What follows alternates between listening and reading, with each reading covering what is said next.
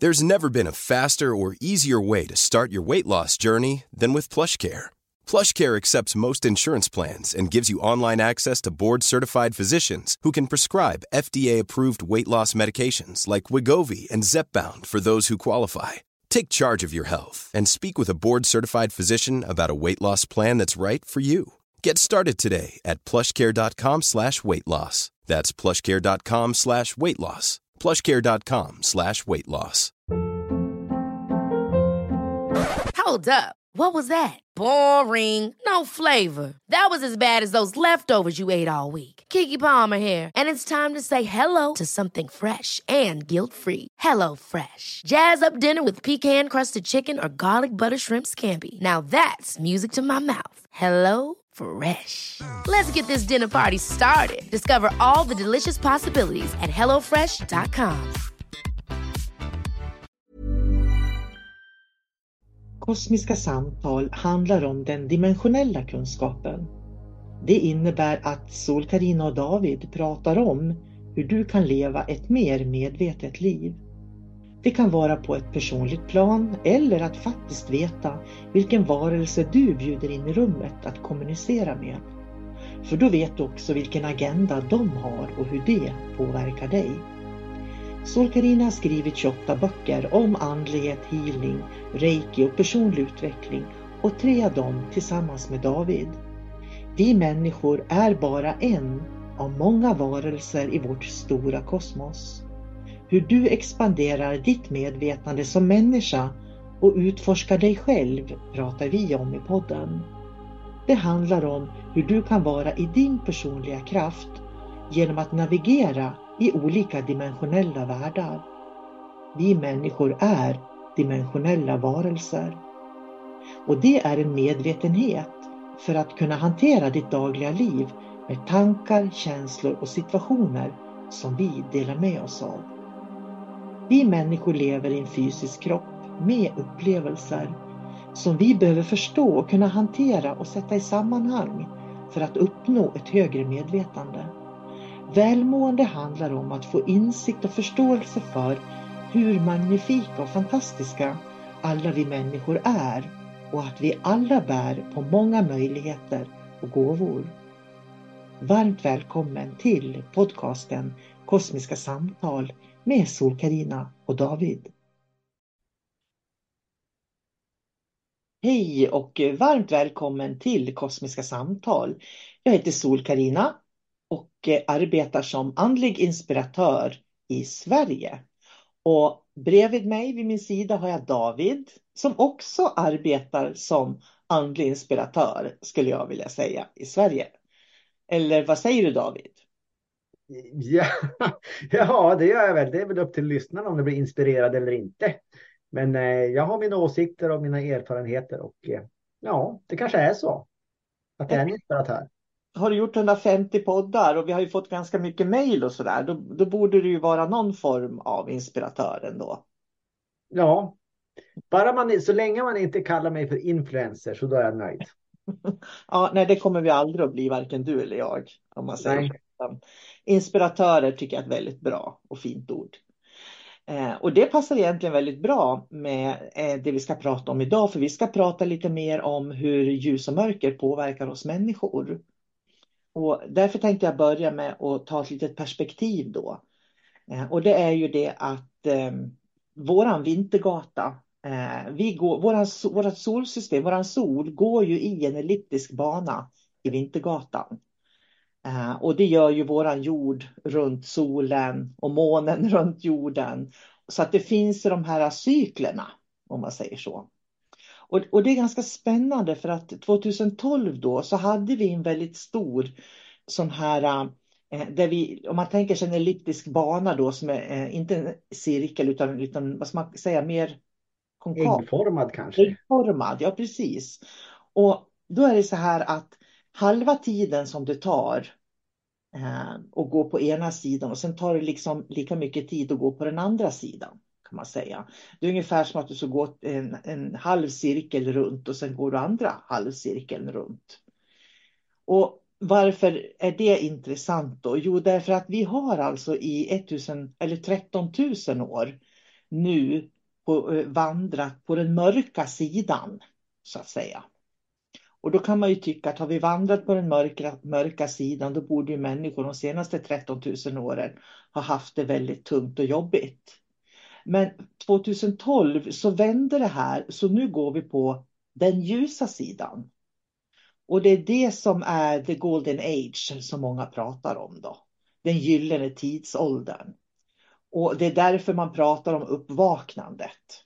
Därför att när vi går på den här ljusa sidan som vi går på nu då, så eh, kommer människor att börja se mer och mer av sig själva och, och, och det man liksom pratar om sanningen då. Eh, så att vi, vi kommer att befinna oss de närmaste 13 000 åren i eh, ett uppvaknande där det blir liksom mer och mer och mer kunskap som vi börjar kunna få till oss då. Och kunskapen vi får till oss handlar ju om att vi eh, helt enkelt plockar bort, skulle man kunna säga, det undermedvetna. Så att vi blir mer och mer upplysta och har inte en massa trauman och begränsningar och sådär med oss då. Och då ska man tänka att en människa kanske lever 70, 80, 90 år på jorden. Och här pratar vi om en cykel då på 13 000 år. Så det här är en väldigt lång period. Men att det är så mycket mörker på jorden och så rörigt och så mycket människor som är vilsna och sådär är ju då kopplat till det här. Eh, säger man.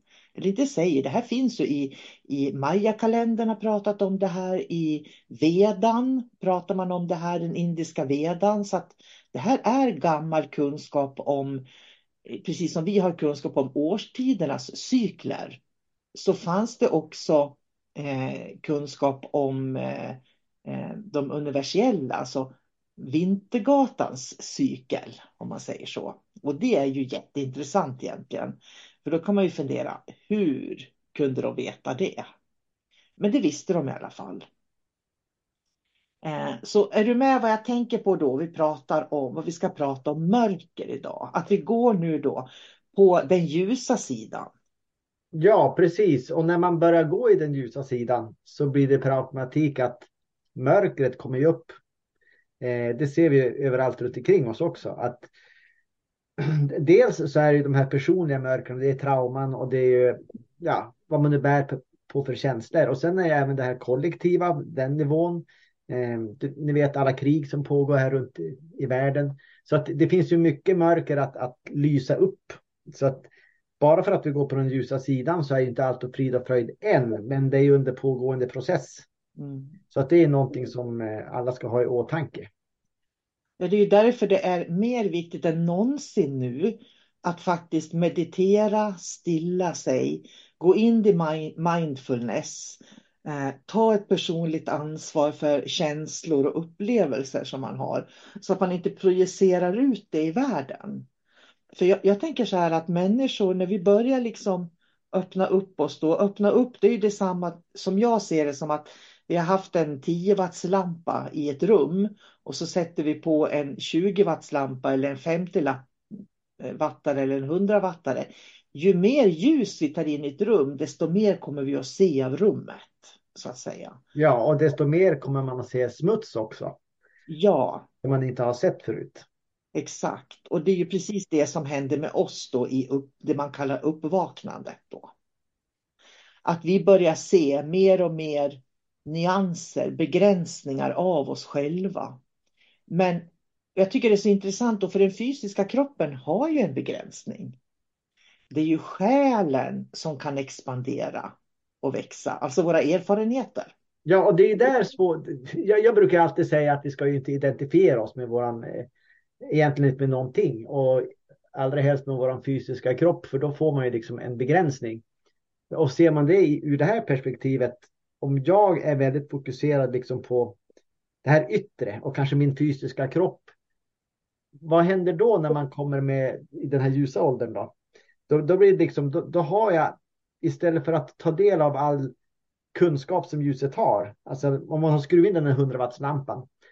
Eh, om jag då fokus, väljer ändå att bara fokusera på min närmaste sfär, min, min kropp och liksom min identitet då är det ungefär som att jag väljer att skruva ut den där lampan igen, så skruvar jag in en 5 wattare igen. Mm. För att jag trivs så bra med kanske den jag är just här och nu. Eller jag kanske är för rädd att upptäcka vem jag är. Så därför trivs jag bra med en femwattare. För jag är egentligen ganska feg. Och då kan man liksom inte ta tillvara det här ljuset. Och jag tror att det, det, är det som gör att människor faktiskt mår dåligt idag.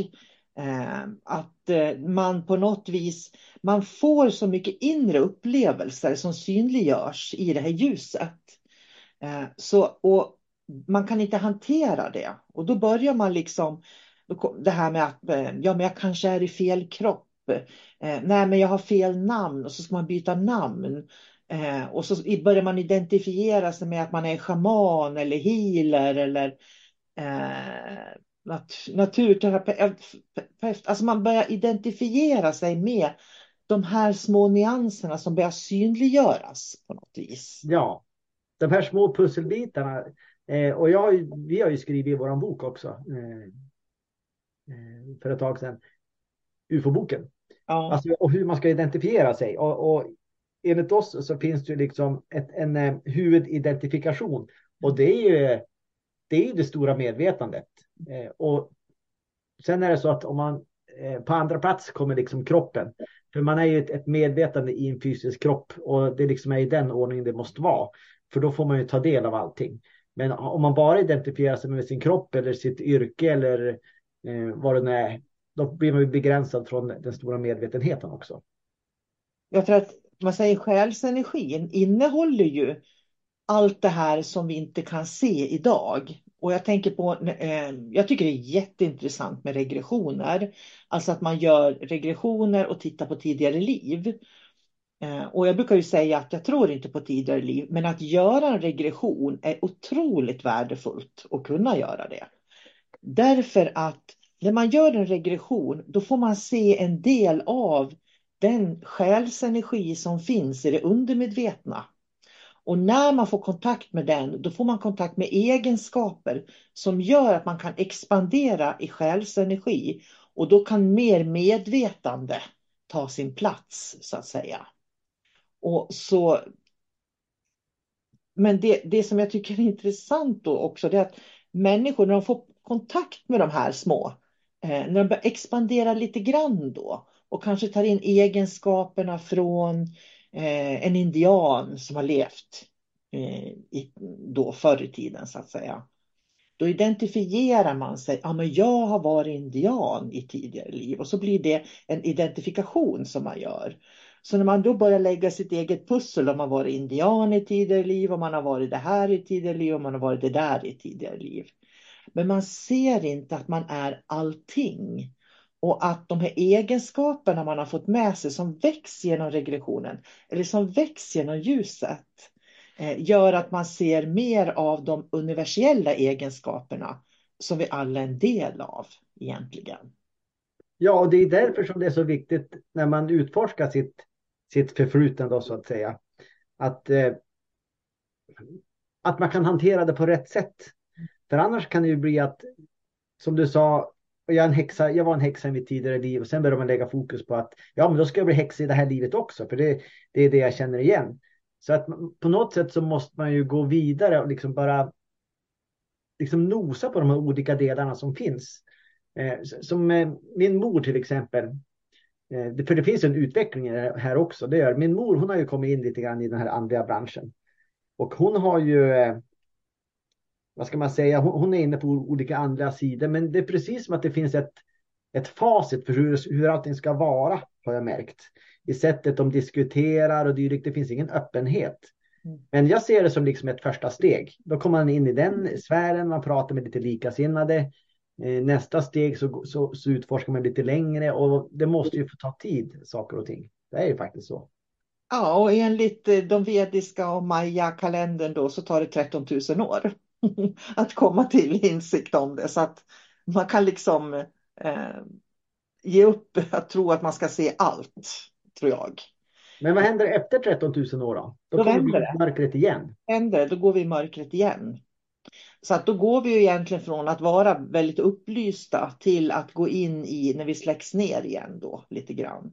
Så. Och det här, det här är en cykel som vi inte kan undvika därför att vi människor är en del av naturen precis som att jag kan inte hindra att det blir mörkt på natten.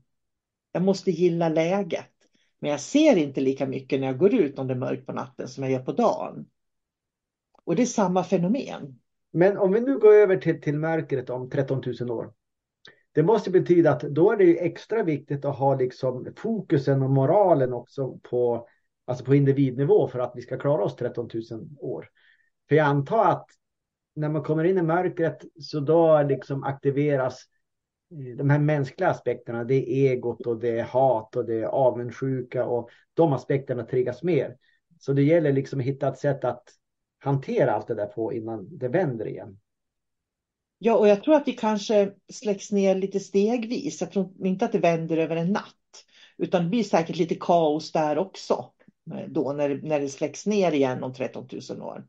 För jag, tänker på för 13 000 år sedan, det som är att det händer alltid stora saker i mänsklighetens utveckling vid de här ah, skiftena då, som man kallar det för. Och, och för 13 000 år sedan, det var ju då människan blev jordbrukare eh, och började bruka jorden. Så att det är precis som att när vi, när vi får lite mer upplysthet så kan vi också se hur vi kan använda oss av eh, alla redskap och all kunskap som finns eh, mycket bättre. Så på något sätt så måste man anpassa sig efter liksom, de svårare tider som ska komma. Ja, som kommer kanske om 13 000 år. Precis. Så, så därför det som händer just nu, det är ju en stor förvirring skulle jag vilja säga att vi har varit i sånt otroligt mörker, i sån okunskap. Så nu när, när det har vänt då, det gjorde det ju liksom för vad är det, 11 år sedan. Men det är ju liksom en piss i rymden jämfört med hur länge vi kommer att leva, om man säger så. Men i och med att det vänder, vi får in mer ljus och då blir mörkret också väldigt synligt och begränsningar. Och jag tror att det är precis det som händer i världen just nu då. Att eh, det är mycket krig, människor tar inte hand om varandra, det är liksom djungelns lag som, som råder väldigt mycket. Eh, och, och till och med i Sverige så, så har ju ÖB nu sagt att vi ska vara beredda på krig. Liksom. Och jag tror att, att, att mänskligheten hela tiden kommer till såna här viktiga faser. Så att om, om det är så att vi går ut nu då och börjar använda mörker väldigt mycket här i världen och låta det styra allt som följer med mörker. Då riskerar vi att utplåna mänskligheten. Det är bara så enkelt tror jag. Men det är lite grann det som är svårigheten också. När, när eh, när en människa har liksom blivit ljus, eh, jag använder uttrycket nu, att man har liksom blivit ödmjuk, man ska se andra människor. Ofta per automatik, det här låter konstigt att säga, men oftast blir man lite mesig då. Liksom att ja, man, man tar inga ansvar, man låter de andra få göra sitt och så där. Men, men det handlar ju liksom om att balansera, att liksom vara, vara ljus, ha, liksom vara i ett högre medvetande, men ändå vara liksom tydlig med vad man vill. Man ska ta ansvar för hur man vill att eh, framtiden ska se ut. Hur ska världen se ut? Hur ska man behandla sina eh, medborgare? Jag säga.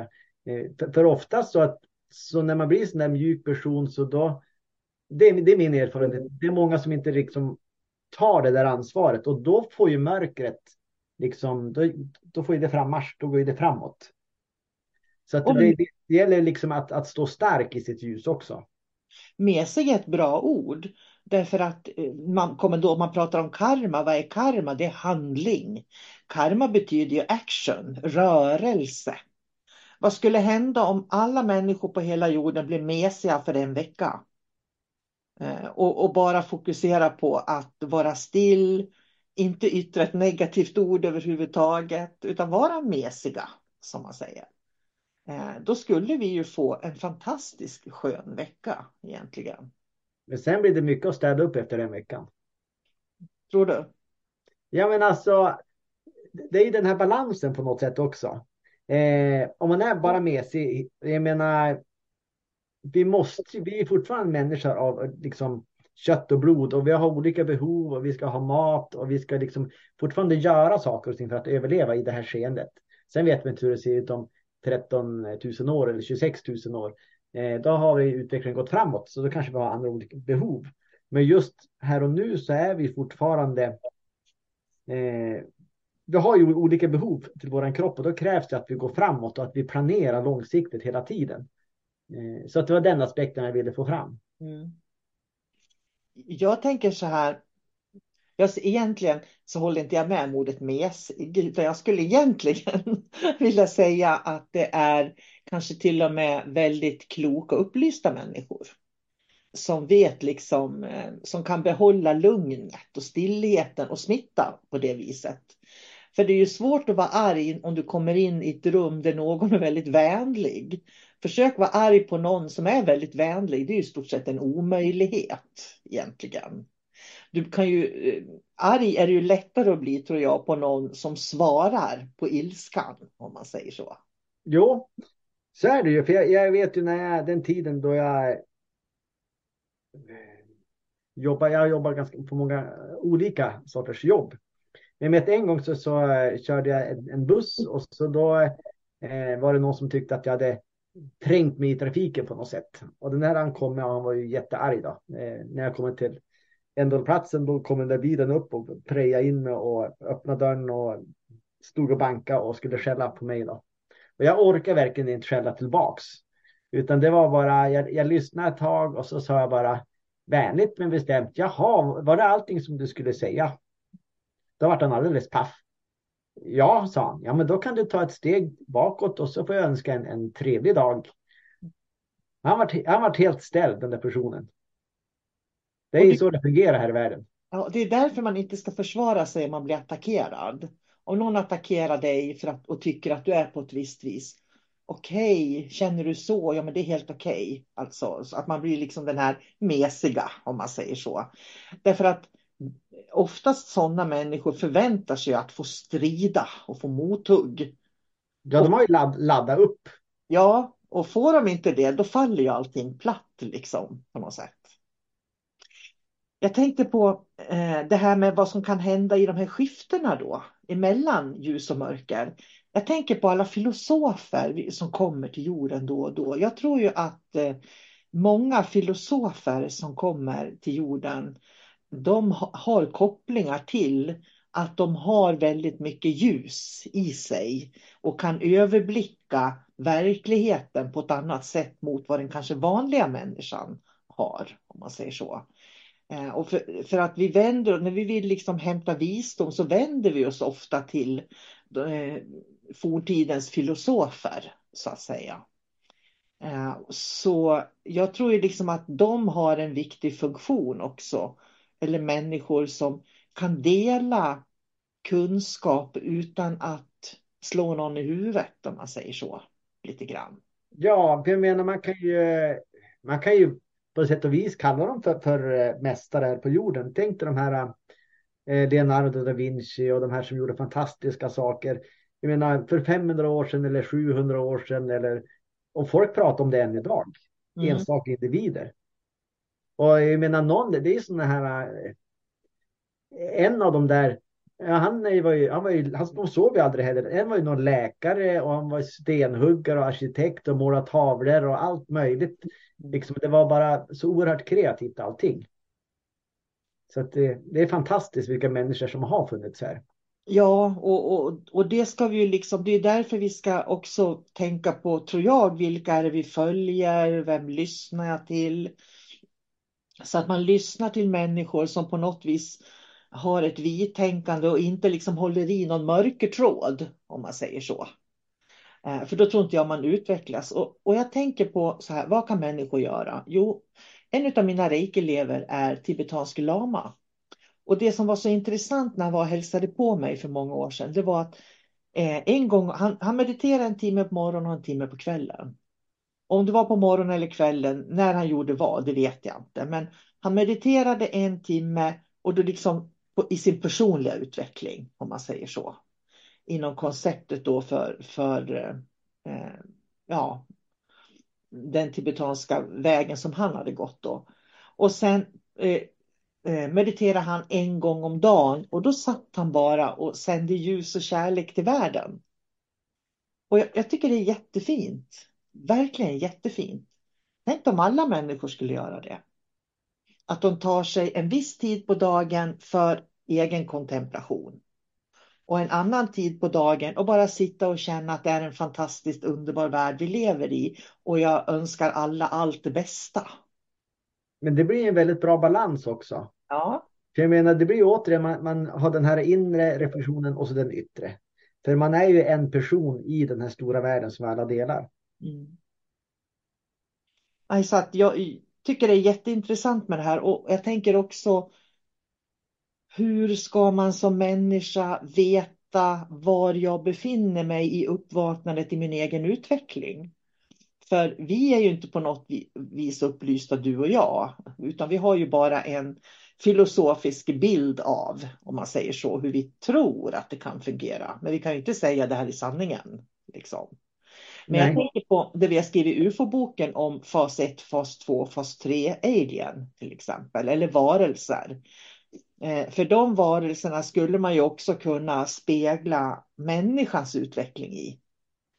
Så, så vill man förstå hur man ska ta in mer ljus, då rekommenderar jag varmt våran UFO-bok faktiskt. För man kan tycka att UFO, och UFO har ingenting med det här att göra egentligen. Men just beskrivningen av eh, fas 1, fas 2, fas 3 varelser är faktiskt en väldigt bra beskrivning också för vad vi människor går igenom utvecklingsmässigt. Ja, jag menar det finns en röd tråd i, i allting vi har sagt och i böckerna vi har skrivit också. Så att inget ämne är ju isolerat i sig. Nej, utan... utan eh, vi är ju alla ett. Jag menar, vi är ju de, de här olika faserna och vi har ju kvaliteter från eh, även de lägre faserna. Även om vi inte vill tro det så är det ju så. Och det är upp till oss hur vi vill använda dem. Och när man börjar förstå det där, då blir det så här, då fas 3 makes sense. Det är lite mesigt. Om man säger så. Man kan faktiskt säga så. Så, så jag säger, det får bli en riktig cliffhanger. Så är man intresserad att förstå det här, då ska man köpa boken. Den ligger ju, finns ju digitalt att köpa eller också beställa i fysisk form utav mig. Då. Eh, så eh, ja, jag, jag tyckte bara det var viktigt att ta liksom en att människor ska förstå vad är uppvaknandet? Uppvaknandet är ju liksom inte att jag går och slår grannen i huvudet och talar om att du tänker fel. Uppvaknandet är ju att utforska det här okända inom oss själva. Eh, och, och, jag tänker på, vi har ju liksom ett inre liv med alla våra tankar och känslor som vi upplever som är så eh, olikt varann. Och så har vi det yttre livet. Men det vi pratar om nu, det är för mig det här djupare andliga sökandet. Verkligen. Eh, där man ser sig själv i ett kanske större perspektiv då. Att det finns elliptiska banor överallt. Och årstider eller Vintergatan. Eller, och vi är en del av det också. Och vi har det i oss. Ja, för vi måste ju se på det här. Liksom, det finns ju två beståndsdelar. Det är ju, det är ju vi och så finns det det, det stora kollektivet. Och det är däremellan man pendlar hela tiden. Och vi, vår uppgift är ju att för, förstå oss själva liksom så mycket som möjligt för att sen träda in i det här vi-tänkandet. För det är jätteviktigt, för om man inte har förstått sig själv och så ska man försöka gå ut i vitänkandet, då blir man aktivist istället. För då blir det så att nu har jag kommit på sanningen, nu ska jag gå och berätta för alla andra och de måste tro som mig. Eh, och då är man aktivist rätt och slätt. Och då har man inte förstått det hela. Utan det handlar hela tiden om att utveckla sitt eget, känna in, tänka efter och ha, förstå att andra människor kan komma till andra insikter och det är inget fel i det. Vi är inga motståndare. Utan då får man diskutera sinsemellan och förhoppningsvis så blir man lite, några erfarenheter rikare också. Mm. Jag tänker på hur jag gör när jag värderar saker runt omkring mig. För att, eh, eller värderar är fel ord, då brukar jag säga ta ställning. För mig är att ta ställning viktigare än, det handlar inte om att värdera. Därför att jag lägger ingen värdering i vad som är bra och dåligt egentligen. Utan jag tar ställning för vad jag tror är bra hela tiden. Eh, och det, vill jag, det är ju det alla människor gör, även en aktivist tar ju ställning för det de tror är bra. Men jag tror att det är viktigt att vi är så pass medvetna. Om jag sitter och lyssnar på en podd till exempel för någon som pratar och så känner jag att nej, men det här känner jag inte att jag kan ta ställning för och ställa upp bakom. Då stänger jag av den podden och lyssnar inte mer på den. Därför att jag vill inte bli infiltrerad av det då eftersom jag känner att det här kommer inte att öppna upp Eh, så att jag får liksom mera kunskap i mitt energisystem om man säger så.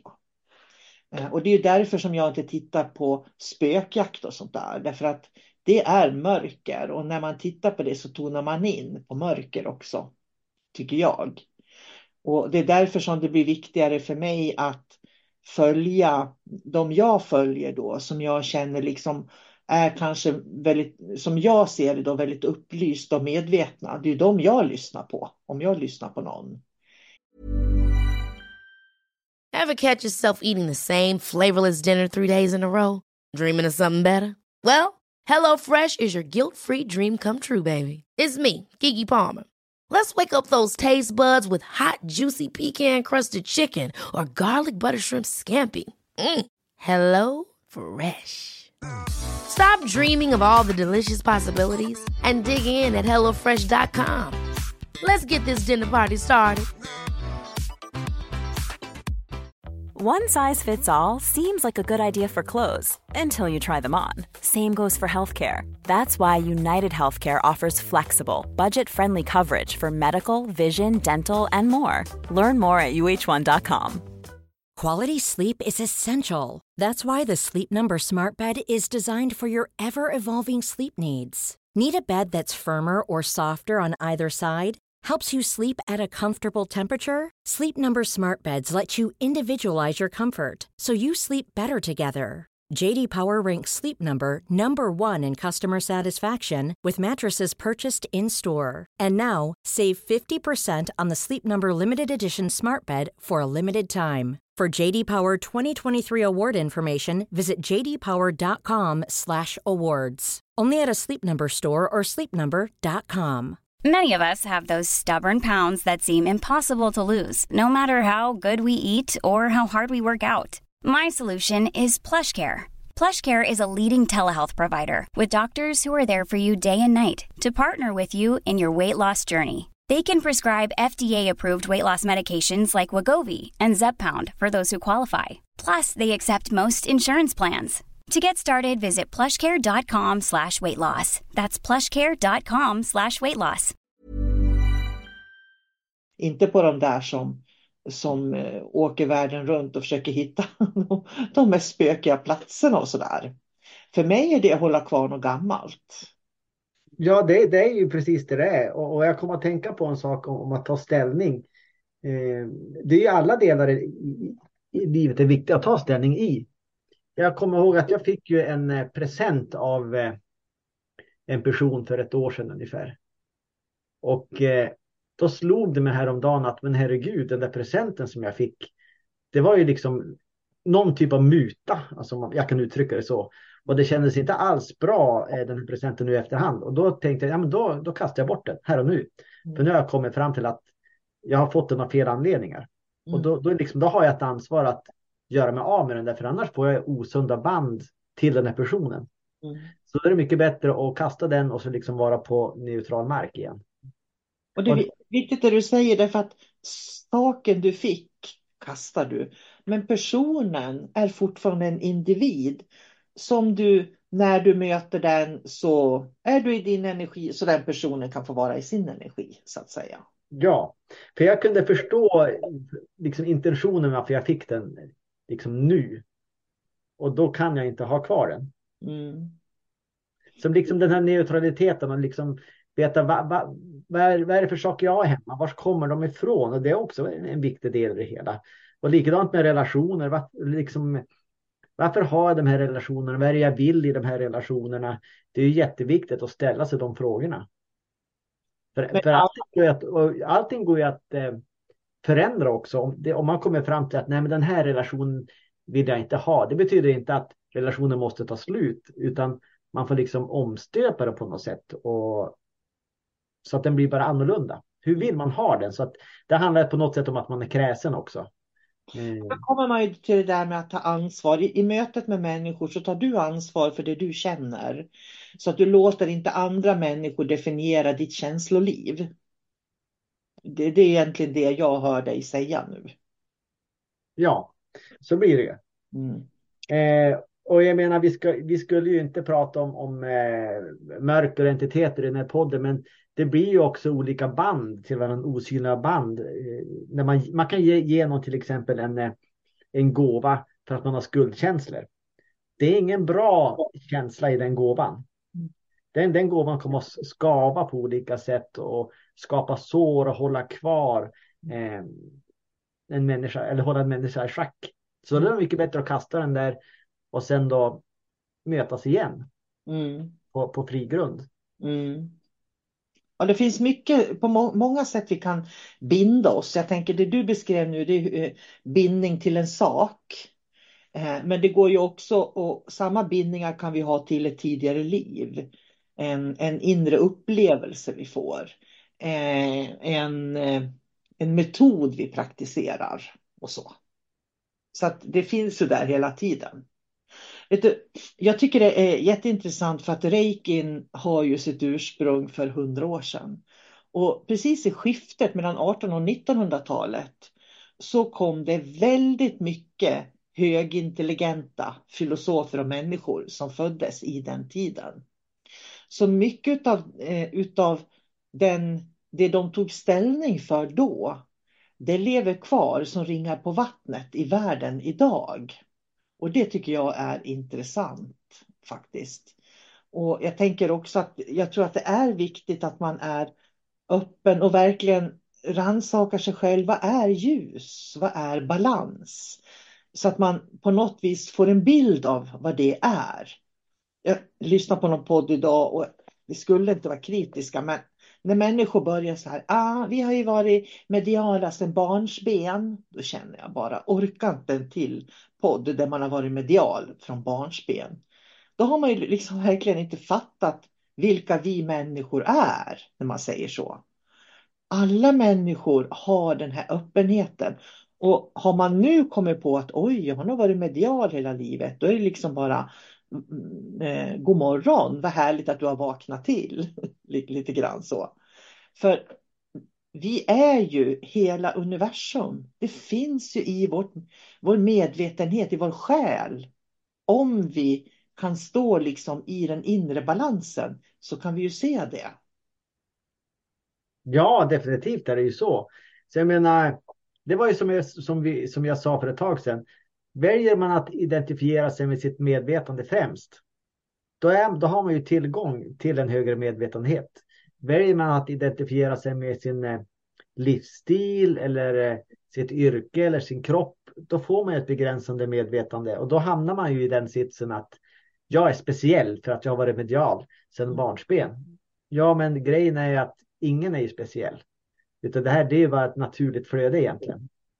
Men de var ju också, förlåt, popcorn medium då, som håller på med utredningar. kunde inte låta bli. Och jag kan ju inte liksom riktigt förstå vad det har med saken att göra egentligen. Det har ju inte med den, djup, den högre andliga utvecklingen att göra. Definitivt inte. Nej, men det antagligen är väl en kombination av liksom eh, eh, egot, att man får synas, man är bra på någonting, man får uppskattning, man blir känd. Samtidigt finns det pengar att tjäna i det där också. Mm. Så att det är liksom den alliansen som, eh, som jobbar där. Ja, det har vi ju verkligen sett nu på senare tid. Eh, just det här hur, eller jag skulle säga att det är en bransch, och jag tror inte bara det är i, i den nyandliga branschen, jag tror att det finns i alla branscher faktiskt, samma sak. Eh, att människor, att människor i, i, i sin otroliga omedvetenhet skor sig och skaffar sig liksom sanningar som är så otroligt ologiska och det är liksom när det blir lite sekteristiskt då. Så. Jag tycker det är jättespännande med medium i Sverige för att här finns det liksom utbildningar från, som pågår i sex månader på distans där du kanske pratar med någon en gång i månaden till de som går två och ett halvt år, hardcore liksom sådär. Och allihopa då ska bidra och hjälpa människor i den här nya tiden då på något vis.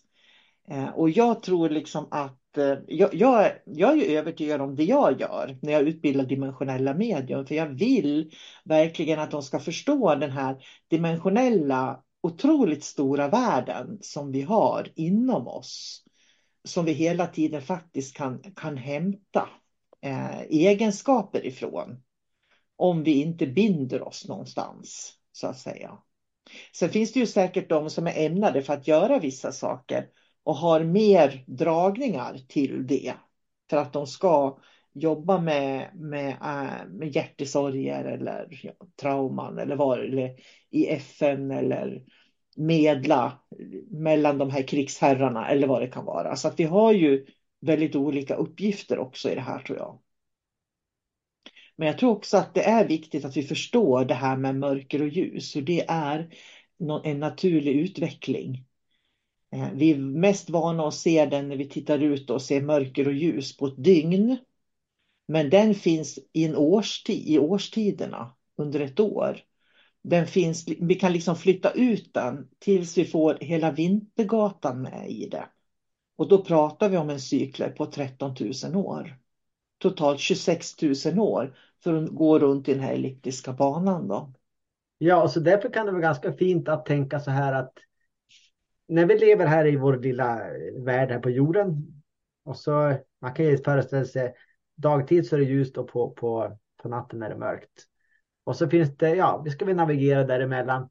Men det där är egentligen ganska fjuttigt. Liksom eh, fokuserar vi på det, då är vi bara inne i våra egna problem och bekymmer och nu, nu är det glatt och nu är det tungt. Och, men när man zoomar ut till liksom större höjder då, då, liksom, då blir den mer konstant. Då blir det inte sådana där kraftiga svängningar. Det är det jag brukar prata om. Då kan man observera istället och man kan vara i ett konstant flöde. Mm. Det kan fortfarande hända liksom tråkiga saker. Men är man i det där högerflödet så blir man inte nedslagen. Man blir inte nedstämd och påverkad. Mm. Utan man. Det bara är. Om jag säger så. Så det blir ett helt annat sätt att, att, att navigera sitt eget liv. Jag önskar ju verkligen att människor kunde förstå vilken otrolig potential de bär inom sig. Det är liksom helt sjukt vilka resurser vi har. Och så lägger man över hela sitt liv i händerna på en medial linje eller på, på såna här, ja, som Kalla fakta då, som börjar liksom tala om vad sanningen är om en. För, för grejen är den, vi har ju alla människor samma sanning. Vi är liksom i samma röra allihopa. Jag är i ditt vi-medvetande och du är i mitt vi-medvetande. Så ja, jag önskar verkligen att människor kunde, kunde liksom se, zooma ut det här större perspektivet på något vis och se det. För då, ja, det då tror jag. Ja. ja, men det är då också som man börjar liksom ta sitt eget liv på, på ett större allvar. Och den här tävlan som många har nu, att man ska vara bäst, man ska vara störst, man ska konkurrera. Den upphör ju också på något sätt. För jag menar visst, på, på många sätt så är man ju konkurrenter, men det ska ju vara en sund konkurrens. Liksom man, jag ska ju inte liksom sko mig mer på något sätt så att eh, mina medmänniskor får lida på något sätt. Nej, men det, räck, det räcker till alla. Det, det, det är det som är den stora hemligheten liksom, vi måste ju hjälpas åt. Det finns det här vi-tänket och det ska vi hålla fast vid. Det är därför det blir så illa med attraktionslagarna. Eh, när man liksom går in för och det ska, man ska tjäna pengar och, och man ska få rikedom och man ska bli influencer och så här. Att det, man ska liksom, ja, jag är störst, jag är bäst och liksom hela tiden så där. För att eh, när man använder attraktionslagarna på det sättet, då tappar tappar man, då, då går man in i mörker på många sätt beroende på vad man, vad man ber om. Man ska ha tydliga mål, men nu pratar jag attraktionslagarna där liksom, ja men alla människor kan bli rika liksom och tjäna 100 000 i månaden. Nej, alla människor kan inte det. Det funkar inte så. Någon måste också se till att, att göra grundjobbet. Liksom, så. Men det jag tänker är att det vore mycket bättre att man går in i och tittar vad, vad har jag med mig som jag kan eh, kultivera i mitt liv? Som jag kan bli bra på? Som jag liksom kan dela med mig av eh, till världen? Då tror jag att man har större chans att lyckas och känna sig lycklig och nöjd.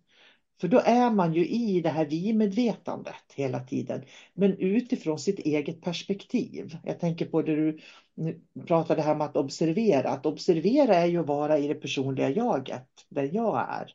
Och sen observerar jag, ser allt som finns omkring mig. Mm. Och jag, jag brukar säga det att om man gör någonting som man är bra på, om man brinner för någonting, det kan ju vara vad som helst. Och så sen så då börjar man eh, liksom, det börjar ta upp ens, ens tid, ens, nästan hela ens liv. Då, då har man ju en passion för någonting. Då kommer man bli riktigt bra på det, man kommer att utveckla det. Då kommer man få bonusar på det. Som bonus, så då kanske du kan leva på det. Eh, som bonus så får du lön. Som bonus så eh, kommer andra människor att se upp till dig för att du har kunskap om, om det. Så att jag menar egentligen så behöver man aldrig, ja egentligen är det bortkastat att sitta och, och attrahera, jag ska ha 100 000 i månaden, 100 000 i månaden och säga det hela tiden. Eh, för jag menar, du kommer inte bli lycklig. Enda sättet att bli lycklig det är när du gör det du vill göra och, och gör det du brinner för. Mm. Och då kommer du antagligen att, att eh, tjäna pengar också, men det, det är bara eh, sekundärt, en bonus helt enkelt. Mm. För det är så det kommer att bli. Jag tänker att vi ska runda av och, och jag skulle vilja liksom ta upp det här igen att med allting, all röra som pågår, alla åsikter man har omkring sig, eh, saker som pågår på jorden runt om. Kom ihåg att vi är i en cykel av uppvaknande, det kan vi inte komma ifrån. Där vi kommer att vandra i 13 000 år, det är den gyllene tidsåldern. Den gyllene tidsåldern innebär att vi börjar se mer och mer och mer av oss själva. Allting blir synlig, tydligare och, och synliggörs mer. Och där måste man på en individnivå hitta sin egen balans för att liksom kunna öppna alla de här dörr och se alla de här dörrarna som öppnas hela tiden. Och veta och inte kultivera och göda det här mörkret som finns. Man, man behöver liksom tänka, vad kan jag göra för att ta fram mer ljus än mörker idag? Därför att en del de påstår ju liksom att ja, men det finns lika mycket ljus och mörker. Nej, det stämmer inte. Ljus och mörker existerar inte samtidigt. Utan du kan välja att vara i det ena eller det andra. Och där behöver man ta ställning. Så att det här med att ja, men vi är både ljus och mörker, ja, men du måste ta ställning till om du vill stå i mörkret eller om du vill stå i ljuset. Därför att effekterna kommer att bli olika. Så att, ja. Jag tänkte, du och jag, vi har ju valt att vara i ljuset. Mm. Och då kan man ju också, eftersom vi ser hela spektrat då, så vi kan vara i mörkret, nej, i ljuset och vi kan jobba ner i mörkret. Vi kan se ner i mörkret och för ibland så, så måste man bege sig dit av olika anledningar. Och det är någonting helt annat än att vara en mörkarbetare och jobba med mörkret. Mm. Eh, det är svårare att se ljus faktiskt om man har mörker. Det är lättare att se mörker när man har ljus.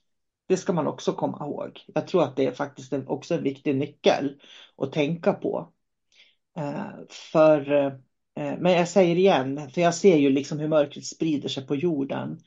Eh, att vi, vi, varje människa behöver vi vara vi behöver ta ställning och välja ljuset.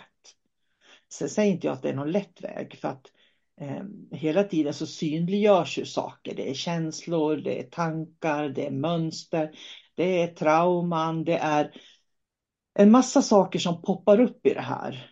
Men vi har ett eget ansvar för att hantera det och liksom se vad vi har för nytta av det och lägga det åt sidan om vi inte har någon nytta av det. Liksom. Ja, det är därför, just ur den, det perspektivet är det väldigt jobbigt att vi jobbigt. Det är väldigt viktigt att vi arbetar med våra känslor också. Mm. det kommer att avgöra hur vi reagerar på det vi möter. Mm. Så det är den här personliga utvecklingen som är viktigast på något sätt. Och det är, känslor det är bara information. Om man tänker så då är allting mycket enklare. Vad sa den här informationen till mig? Okej, okay, då behöver jag inte göra den personlig. Jag kan lägga den åt sidan. Eh, någon annan människa är på mig. Jaha, ja men det är bara information. Då behöver jag inte ta, ta åt mig. Men man ska ändå reflektera vad var det som gjorde den arg? För det kan ju finnas någon sanning i det. Så att det blir mycket lättare att jobba med sig själv om man inte blir sina känslor. Mm. Det är och, också ett tips. Och faktum är att om man har svårt att, att tolka sina känslor som information, eh, precis som du beskrev nu, då är risken större att man får ångest. ångest och oro kommer av att du inte klarar av att hantera känslorna då. Och då är det risk för att eh, man utvecklar ångest. Det är väldigt många människor som har ångest idag. Så att börja liksom tänka om lite grann, att känslor är information som lär mig någonting om mig själv och om livet. Utan att man liksom eh, egentligen lägger någon värdering i det, utan bara ser att, vad som pågår. För där är det lättare att ta ställning och välja väg också, tycker jag. Ja, känslor handlar egentligen uteslutande om den fysiska kroppen och hur man interagerar med den, den här fysiska världen. Och då har ju vi den här medvetande delen som egentligen är oss. Mm. Så man kan välja att stå utanför och titta på sin kropp och titta på känslorna. Och då ser man en helt annan bild ofta än om man är i sin kropp och i känslorna. Så att det där har man, har man också. Det kan man också öva på helt enkelt. Och jag kan verkligen rekommendera att eh, den som inte mediterar att börja meditera på något vis. Börja med någon typ av andlig praktik där du liksom, precis som jag förklarar den här laman, där du går in och liksom är, lär dig vara med dig själv en liten stund varje dag. Eh, och sen kan man också, när man väl kan det, det är ju då tror jag som man kan börja känna kärlek för världen. Jag tror inte man kan det innan man kommer till en punkt när man någonstans vet vem man är och känner sig själv. Det är liksom första steget. Mm. Nej, så det är, det är viktigt det du säger. Mm. Att liksom fokusera på ljuset. Alltid. Mm. När man har två val. Liksom, ska jag välja mörkret eller ska jag välja ljuset? Ja, men då väljer jag ljuset. Mörkret är väldigt frestande på många sätt. Men i mörkret där finns det ju liksom ofta är det, ja, men det är snabb framgång. Det är pengar eller det är, det är ära på olika sätt. Och det är därför också som det finns väldigt mycket kriminalitet i mörkret. Därför att det går att hanka sig fram där och få status. Mm. Och det är väldigt enkelt om man bara släpper taget. Så att, att gå ljusets väg, det krävs att man har en moral. Det krävs att man vet vart man vill.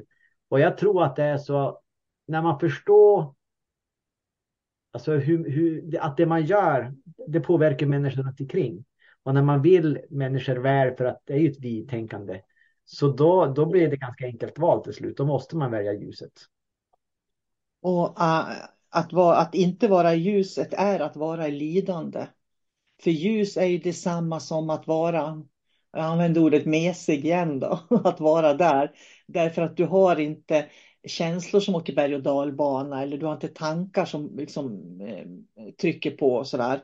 Så att titt, man ska titta på sitt eget lidande när man tittar på lidandet man har i livet, då kommer man också se vad man har att jobba med faktiskt. För att, och jag tror att det är därför, vi ska nu göra en egen podd om det, för att när människor möter sitt eget lidande, det är där man börjar hitta på saker.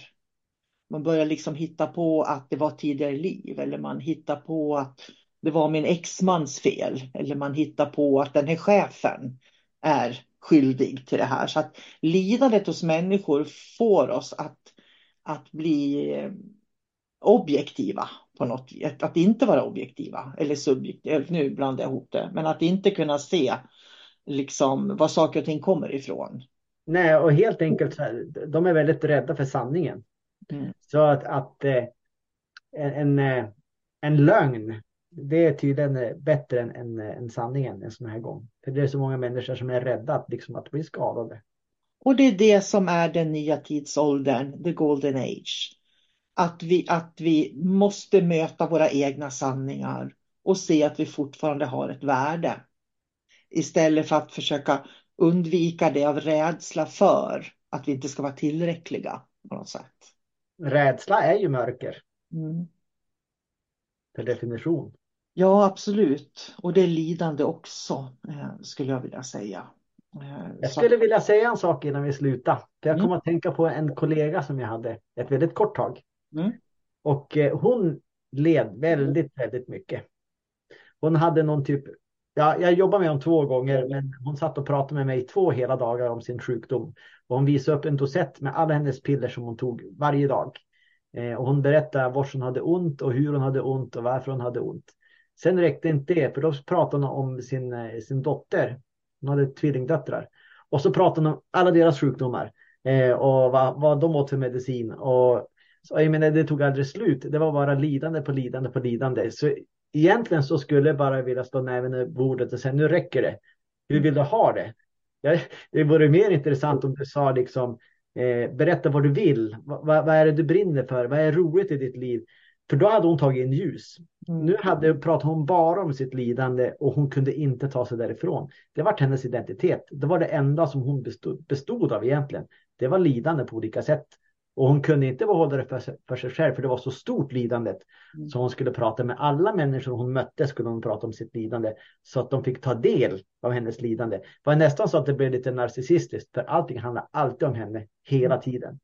Och det där, så där blir det när man fastnar i i mörkrets loop. Mm. Så att jag menar det är jätteviktigt en sån där gång liksom att bara tänka till. Vad har jag fokus på? Vad är det som är viktigt i mitt liv? Då kommer man in till det här viktiga samtalet, hur man samtalar. För att um, det, någonstans när man möter sådana här människor, för att kunna vara en bra, ett bra bollplank så behöver man ju på något vis Eh, nu tappar jag vad jag skulle säga. Jag, jag skulle säga att vad var, jag kommer inte ens ihåg vad vi pratade om. Det här ja, lidande av min kollega. Ja, lidande. Jo, just det, när människor, för att eh, det jag kan uppleva det är att människor försöker peppa de här som lider. Och det funkar aldrig. Eh, någonstans när de lider så tror jag att de det är egentligen ett rop på hjälp. Eh, ett rop på jag behöver kärlek, se mig. Eh, jag finns också, jag vill också bli omtyckt. Så att lidandet sådana gånger när man har ett sådant otroligt behov av att dela det hela tiden, det blir för mig ett rop på hjälp och där behöver vi vara empatiska. Eh, och jag tror att det är viktigt hur man bemöter människor för att hur man bemöter människor i den situationen som, som är, befinner sig där är väldigt viktigt för att få dem att kanske eh, ta ett kliv upp ur det här ljuset. Men jag kan tänka mig att jobba med människor som, för det hör jag ju. Jag har ju vänner och jag har elever som jobbar med människor. Där det första de pratar om när de kommer till jobbet, det är hur sjuka de har varit i helgen eller hur de mår eller allt tragiskt som har hänt. Liksom. Och, och jag kan känna att livet är tragiskt. Det händer jättemycket tragiska saker hela tiden. Men det är inte där vi ska fokusera. Vi måste liksom fokusera på nästa steg och det som känns bra. Och sen får vi gilla läget ibland när vi är sjuka och trasiga. Så är det ju bara. Ja, så är det ju. Mm. Och, och eh, de här eh, kollegan som jag hade till exempel. Hon fick antagligen bara människor som bekräftade hennes sjukdom. Åh, vad synd det är om dig. Och, och att du ska behöva ha det så här. Jag menar att bekräfta ens lidande, det, det blir bara värre. Då blir det också, då blir det jakt på någon typ av liksom en bekräftelse. Jag är sjuk, jag är någon, jag har en identitet, jag är sjuk. Så att, att ha någon människa, kanske, nu gjorde inte jag så, jag kände inte hon så väl. Men det liksom som bara säger, men vad håller du på med? Sluta upp med det här. Liksom, ryck upp dig, jag vill ha fokus på, det är väl det som kan vara liksom eh, förändrande i en människas liv. Mm. Men, Men många, är för, många är för fega för att liksom säga sådana saker också. De, de håller bara med. Mm. Och sen, alltså, nu är vi ju verkligen, vi skulle sluta och faktum är att det finns ju människor som är sjuka och deprimerade och behöver hjälp, ska man komma ihåg. Eh, som också kan vara i den fasen som du beskrev. Så de, hon skulle till exempel ha kunnat haft en depression och depressioner går att medicinera. Eh, så. så att det finns ju hjälp att få. Så det där är... Ehm, men, men så lidande för mig, det, det är i alla fall att eh, alla de här små sakerna i vardagen. Men det är ju olika. För henne är det kanske rent fysiskt. Medan för mig är det om jag slår på tvn och tittar på nyheterna så lider jag av att se hur världen ser ut. Till exempel. Så att vi har väl olika former på vårt lidande. Skulle jag kunna tänka mig. Ja, ingen är väl fri från lidande. Nej. Och sen, det, det, går ju upp och ner. Det beror ju på dagsformen också förstås, antar jag. Men vi ska avsluta så vi inte börjar prata om saker som skulle behöva en kvart till. Det kändes så lite grann. Eh, och, och, just det här att påminna om eh, de här rytmerna som finns i naturen, i människan, i eh, solen och Vintergatan. Och, det finns liksom en, en rytm där på 26 000 år ungefär. Och vi är påverkade av, det är det som är den nya tidsåldern, the golden age, när vi går, vi mer och mer och mer kommer att visa sig liksom av vilka vi i sanningen och i grunden är. Och när vi börjar se mer av oss själva, det är det som är jobbigt. Människor kan inte hantera det, för de förstår inte det större perspektivet. De känner bara det lilla perspektivet. Ja, och det är nu i ljuset, det är nu vi faktiskt kan göra val. Medvetna val. Medvetna val kan vi inte göra i mörkret. Är man, är man medveten i, i mörkret så då överlever man tills dagen har kommit. Mm. Och sen i ljuset så då gör man medvetna val om du förstår vad jag menar. Mm. Så att det är, det är det som är det fina nu att nu ska vi ta ett ansvar och liksom lista ut vilka vi är mm. och vad vi, vart vi är på väg. Vart vill vi? Vi ska ha intentionen klar här i ljuset. Och man behöver inte tala om för hela världen vem man är egentligen. Eh, utan det räcker med att man vet det själv. Nu ska vi sluta. Mm. Det finns så mycket att prata om, så mycket spännande saker, men jag känner liksom att det drar iväg tid hela tiden. Eh, så jag vill tacka för idag. Eh, det var ju ljus och mörker i ett annat perspektiv vi pratade om idag. Så tack till dig David. Eh, det var kul och spännande att prata med dig igen. Eh, och tack till er som lyssnar. Och ni som lyssnar får jättegärna skriva till oss eh, om och berätta eller om det är någonting som ni vill dela med er utav.